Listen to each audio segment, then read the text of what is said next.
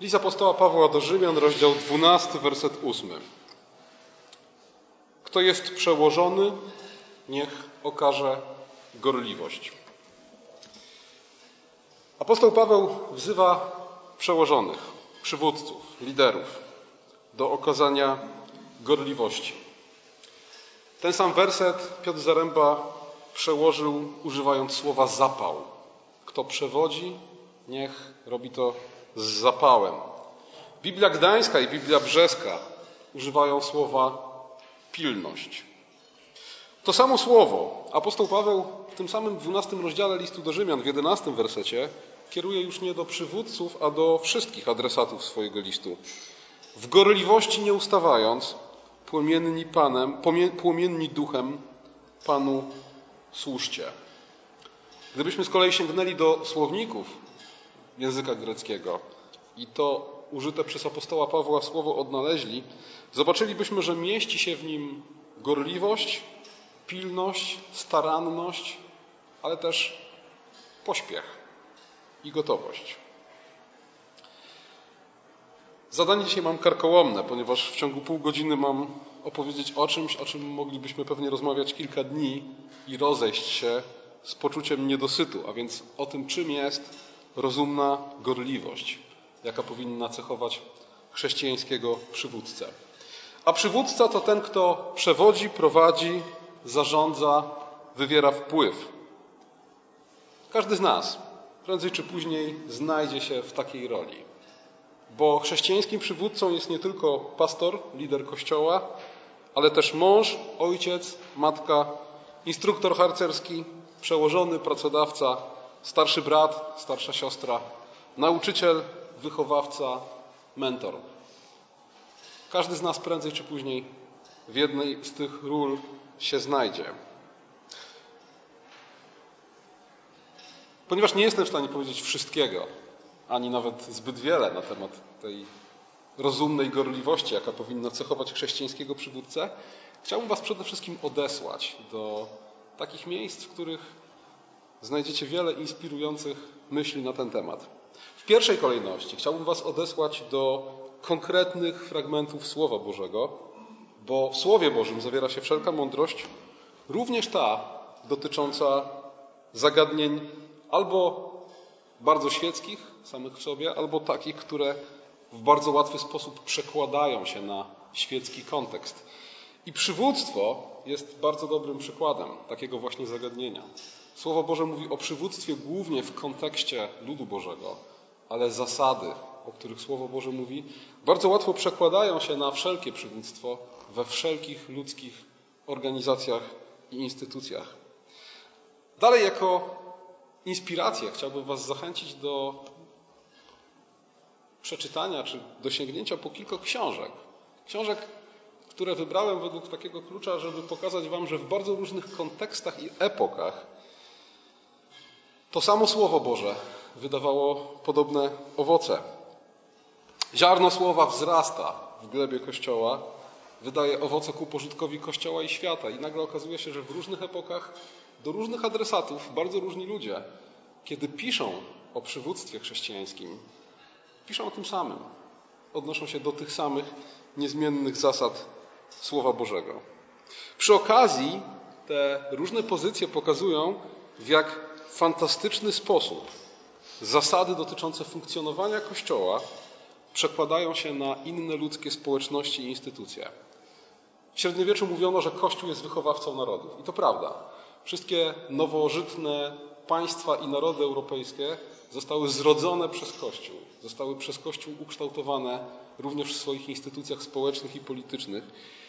Dzisiaj moglibyśmy powiedzieć, że Kościół jest wychowawcą i wzorem wszelkich korporacji, a więc wszelkich ludzkich zorganizowanych społeczności. Bo pamiętajcie, że słowo korporacja to niekoniecznie duża firma. Korpus to ciało.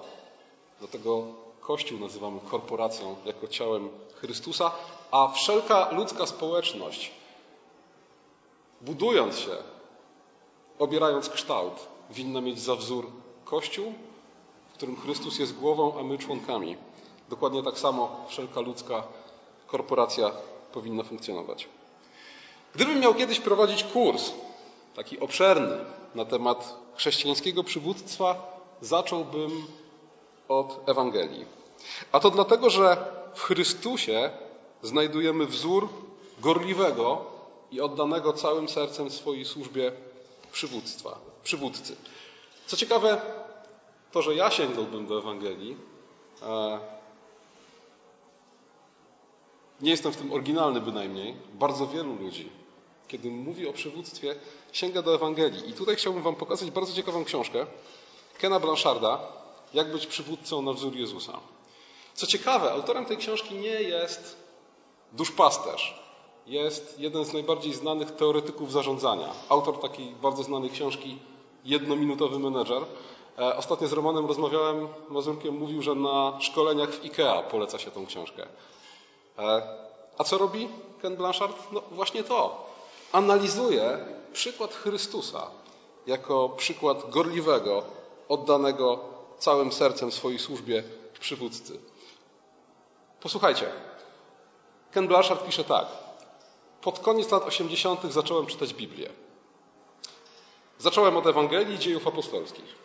Podczas studiowania tych ksiąg zafascynowało mnie, w jak nieprawdopodobny sposób Jezus przemienił dwunastu zwykłych ludzi, czyniąc z nich pierwsze pokolenie liderów ruchu, który dwa tysiące lat później nadal wpływa na bieg historii świata. I teraz, wkrótce zdałem sobie sprawę, że wszystko, czego przez poprzednie 35 lat nauczałem i co napisałem na temat efektywnego przywództwa, Jezus opanował do perfekcji w sposób przekraczający moje możliwości przedstawienia lub opisu. A więc widzicie, człowiek, który spędził całe swoje życie na uczeniu tego, co to znaczy być efektywnym przywódcą, mówi: Chcesz dobrego przykładu? Sięgaj do Ewangelii. A zatem zacząłbym od Ewangelii. Potem przeszedłbym do apostoła Pawła, a konkretnie do 20 rozdziału dziejów apostolskich, gdzie apostoł Paweł wygłasza mowę do przywódców Kościoła, żegnając się z nimi i do listów pasterskich. Pierwszy i drugi list do Tymoteusza oraz list do Tytusa, gdzie Paweł jako doświadczony przywódca udziela swoim młodszym przyjaciołom i podopiecznym bardzo konkretnych rad. A więc zacząłbym od Ewangelii. Potem sięgnąłbym do apostoła Pawła, do 20 rozdziału Księgi Dziejów Apostolskich i do listów pasterskich. A potem sięgnąłbym do reguły świętego Benedykta. Nie wiem, jak wielu z Was czytało regułę świętego Benedykta, ale szczerze i gorąco polecam Wam zwłaszcza drugi rozdział tej reguły pod tytułem Jaki powinien być opat? Opat, czyli ten, który zarządza klasztorem. Reguła świętego Benedykta jest przykładem tego, jak to ziarno Słowa Bożego wzrosło i wydało owoc. To jest przykład takiej pogłębionej, bogatej w doświadczenia refleksji na temat chrześcijańskiego przywództwa. Benedykt przedstawia opata jako kogoś, znowu, na wzór Chrystusa, jako kogoś, kto jest sługą i ojcem tych, którzy zostali mu powierzeni. I co ciekawe, słuchajcie, ta myśl świętego Benedykta jest prosta. Drugi rozdział reguły świętego Benedykta jesteście w stanie przeczytać w kwadrans, ale jest dojrzała i pełna mądrości.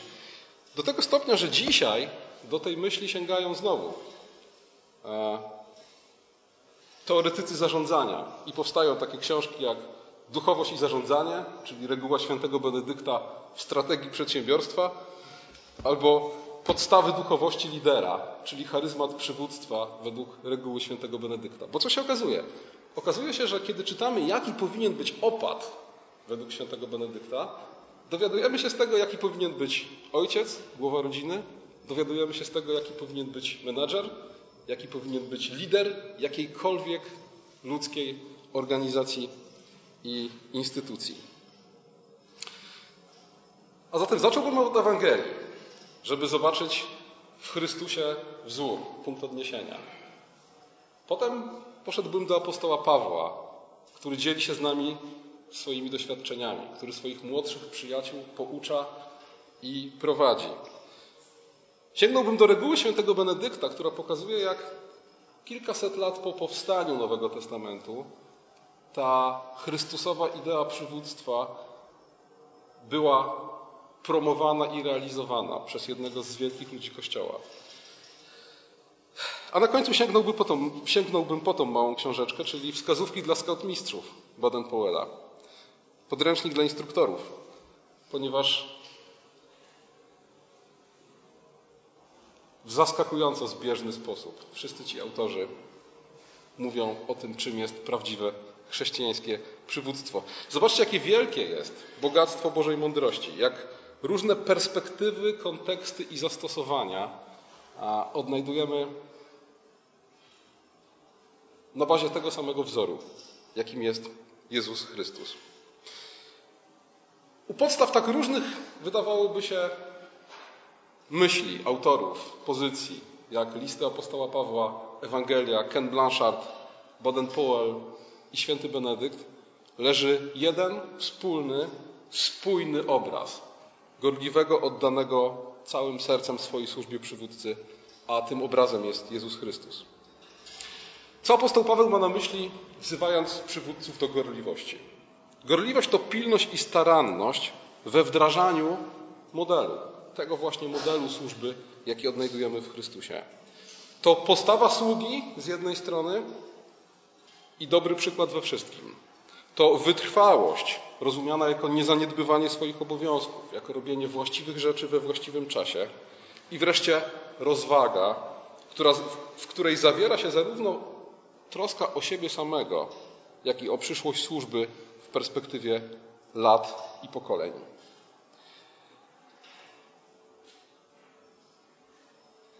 Pierwsza rzecz i chyba najważniejsza, od której Ken Blanchard zaczyna, którą czyni głównym tematem swojej książki i do której odwołują się wszyscy, którzy patrzą na Chrystusa, szukając wzoru przywódcy. Przywództwo to służba. Przywództwo według modelu Chrystusowego to przywództwo służebne. Blanchard mówi, że cała istota tej Jezusowej rewolucji w dziedzinie przewodzenia ludźmi to są słowa nie tak ma być między wami.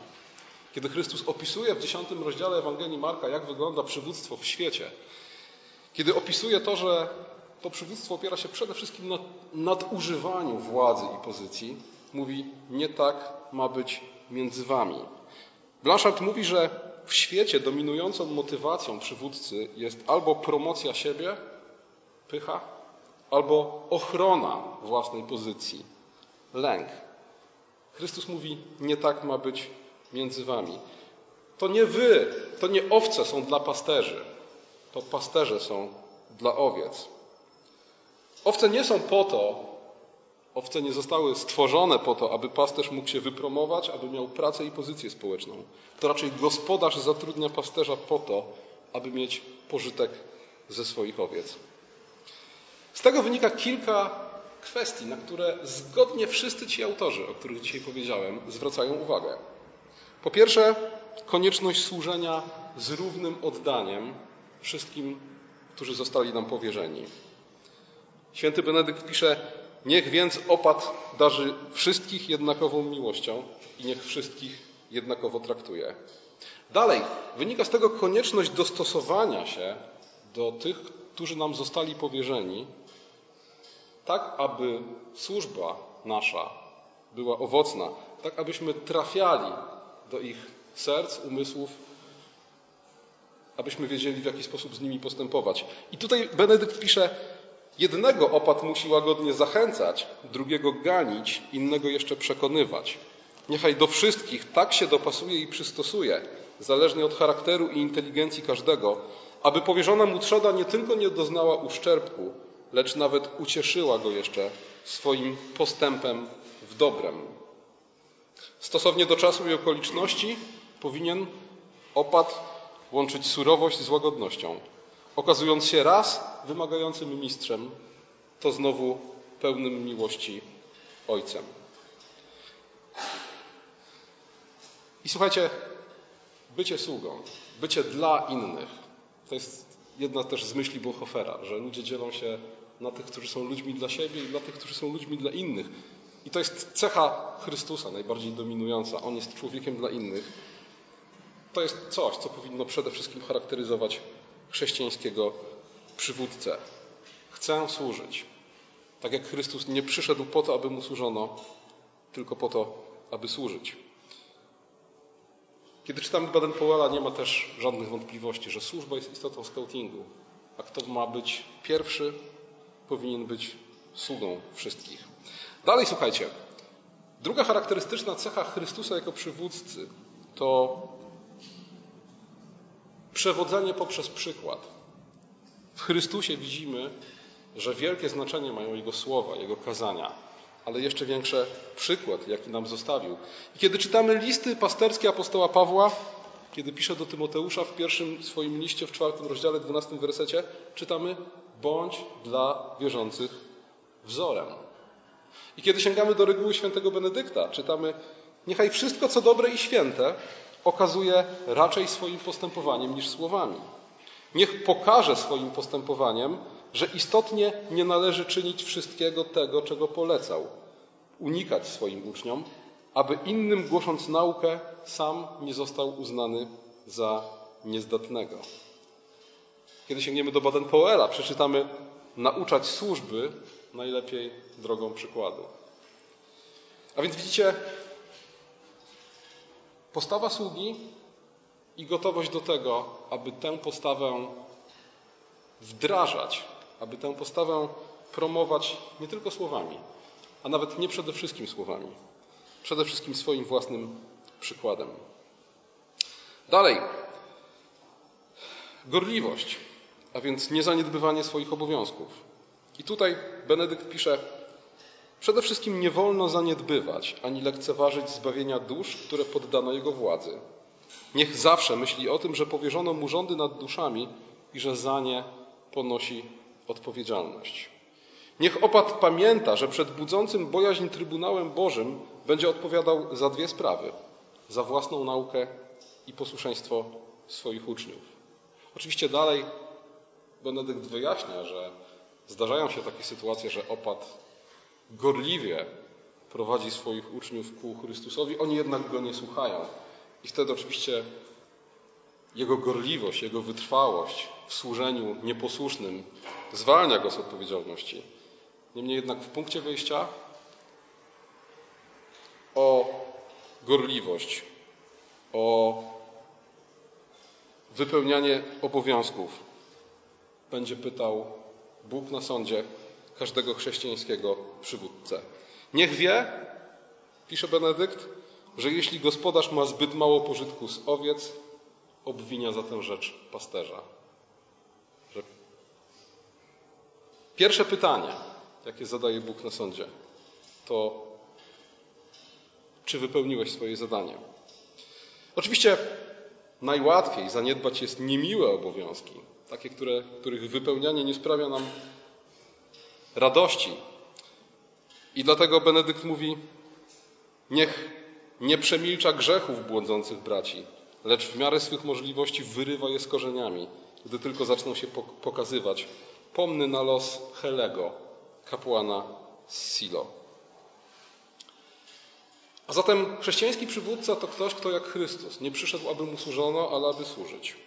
To ktoś, kto gotów jest przede wszystkim swoim własnym przykładem prowadzić ludzi do dojrzałości. To ktoś, kto nie zaniedbuje swoich obowiązków, czyni właściwe rzeczy we właściwym czasie. I po to, by wszystkie te rzeczy mogły być, mieć miejsce, sam musi być poddany autorytetowi, skoro oczekuje uznania dla własnego autorytetu. Dlatego też święty Benedykt mówi, że opat nie powinien uczyć, ani ustanawiać, ani rozkazywać niczego, co byłoby poza prawem pańskim. Do tego wszystkiego dochodzi rozwaga. I słuchajcie, mam wrażenie, że rozwaga jest dzisiaj najbardziej zapomnianą z tradycyjnych chrześcijańskich cnót. I to widać na każdym kroku. Kiedy dyskutujemy o tym, jak Europa powinna zachowywać się wobec imigrantów, o czym dyskutujemy? Dyskutujemy o tym, czy ci ludzie naprawdę potrzebują pomocy, czy nie? Zwykle tak. Ale rzadko dyskutujemy o kwestiach rozwagi, A więc w jaki sposób rozważnie tej pomocy udzielić? W jakich sytuacjach rozwaga nakazuje odmówić?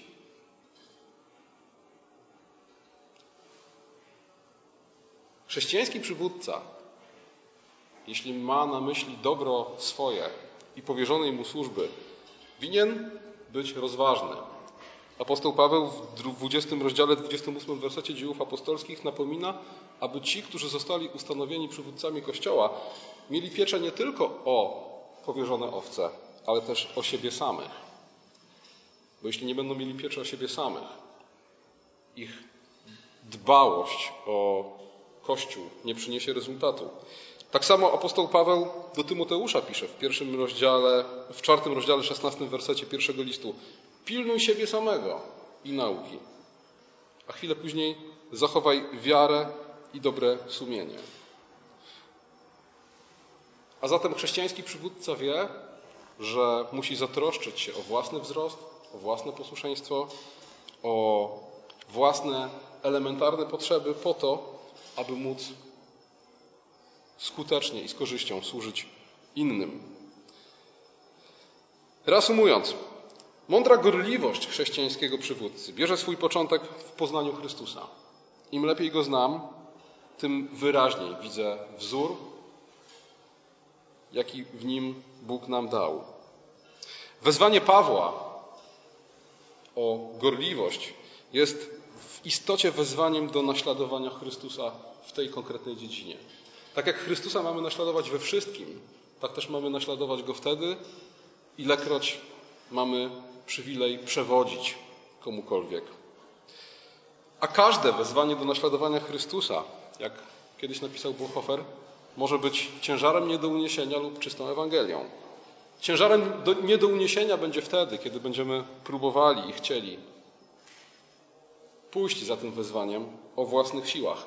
Czystą Ewangelią wtedy, kiedy podejmując to wezwanie, zdamy się na Bożą łaskę i pomoc. Chrześcijański przywódca powinien po pierwsze służyć, być gotowym do tego, by służyć, pamiętać o tym, że przyszedł i został postawiony w tym miejscu, gdzie jest, jak Chrystus, nie aby mu służono, ale aby służyć. Po drugie, powinien być gotów do tego i pamiętać, że bardziej przykładem niż słowami będzie w stanie wywrzeć dobry wpływ na innych. Po trzecie, wystrzegać się zaniedbywania, robiąc to, co należy we właściwym czasie. Po czwarte, pozostawać pod autorytetem słowa. Po piąte, czynić wszystko z należytą rozwagą, pamiętając o równowadze pomiędzy pracą, służbą, odpoczynkiem, zaangażowaniem w sprawy innych ludzi, zaangażowaniem w sprawy swojej rodziny. I wreszcie na koniec powinien myśleć o powierzonym mu mandacie, powierzonej mu służbie w długiej perspektywie. Pamiętając, że słuchajcie, zwykle jest tak, że to, do czego Bóg nas powołał, ma jakiś cel, jakąś perspektywę dłuższą niż moje życie. A nawet jeśli nie dłuższą niż moje życie, to przynajmniej dłuższą niż moje zaangażowanie w tą konkretną sprawę. Dlatego jednym z najbardziej fundamentalnych wyzwań dla przywódcy jest wychowanie następcy i wierne wykonywanie swojej służby do czasu, kiedy tego następca się wychowa. Doskonale rozumiał to Baden-Powell i w tekście zobowiązania instruktorskiego znajdujemy słowa powierzonej mi służby samowolnie nie opuszczę. Wychowam następcę. Na koniec, słuchajcie, list do Hebrajczyków, 13 rozdział, 17 werset. Czytamy. Bądźcie posłuszni przewodnikom waszym i bądźcie im ulegli. Oni to bowiem czuwają nad duszami waszymi i zdadzą z tego sprawę. Niechże to czynią z radością, a nie ze wzdychaniem, gdyż to wyszłoby wam na szkodę. I tutaj mamy podwójne wezwanie. Z jednej strony wezwanie do tych, którzy są poddani przewodnikom, przywódcom, liderom. Słuchajcie ich, bądźcie im ulegli. Krótko mówiąc, nie utrudniajcie im pracy, ponieważ oni czuwają nad duszami waszymi i oni z tego zdadzą sprawę. Pamiętajcie, że Bóg liderów, przywódców, niezależnie od tego, czy mówimy tu o rodzicach, nauczycielach, pracodawcach czy pastorach, ustanowił dla waszego dobra. Słuchajcie ich, bądźcie im ulegli. Pamiętajcie, że oni zdadzą sprawę ze swojego mandatu. Ale z drugiej strony apostoł Paweł, przepraszam, autor listu do Hebrajczyków kieruje swoje słowa do tychże właśnie przywódców, mówiąc, aby to, co robili, robili z radością, a nie ze wzdychaniem. I to jest, słuchajcie, bardzo ważna rzecz, o której chrześcijański przywódca powinien pamiętać, że radość jest najlepszą pożywką dla gorliwości i najlepszą szczepionką przeciwko zaniedbaniu i zniechęceniu. Tak się akurat składa, że zimowisko, które się tydzień temu skończyło, poświęcone było radości. Mówiliśmy o tym na podstawie listu do Rzymian, 14 rozdział, 17 werset, że Królestwo Boże to radość w Duchu Świętym. Mówiliśmy o tym, że radość to więcej niż dobry humor i dobry nastrój, bo dobry humor i nastrój mogą przeminąć, ale radość, jeśli jest ufundowana na Chrystusie, jeśli jest zbudowana na tym, że moje imię zapisane jest w niebie, a ja, jak mówi katechizm heidelberski, duszą i ciałem należy do mojego Zbawiciela, jeśli na tym jest moja radość ufundowana, ona jest trwalsza i mocniejsza niż wszelki dobry nastrój i humor. Mówiliśmy też o tym, że radość to owoc ducha. I zwracałem uwagę na jedną rzecz, że bardzo często czytamy ten, tą listę owoców ducha w taki sposób, jak gdyby te owoce ducha pojawiały się niejako automatycznie w życiu każdego, kto zakosztował Ducha Świętego. Problem tylko polega na tym, że w tym momencie wszyscy chrześcijanie, jako ci, którzy Ducha Świętego zakosztowali, powinni przejawiać te owoce dokładnie w tym samym stopniu. Kiedy się jednak wczytamy w list do Galacjan, zobaczymy, że apostoł Paweł mówi o życiu według ciała i życiu według ducha. A zatem owoc ducha to owoc czego? Życia według ducha. Jeśli idę za Chrystusem i żyję według ducha, im bardziej idę za Chrystusem i żyję według ducha, tym bardziej owoce ducha w moim życiu są obecne. A więc radość ufundowana na Chrystusie jest w moim życiu tym bardziej obecna, im bliżej jestem Chrystusa. Z drugiej strony widzimy, że to grzech i zaniedbanie odbierają nam radość.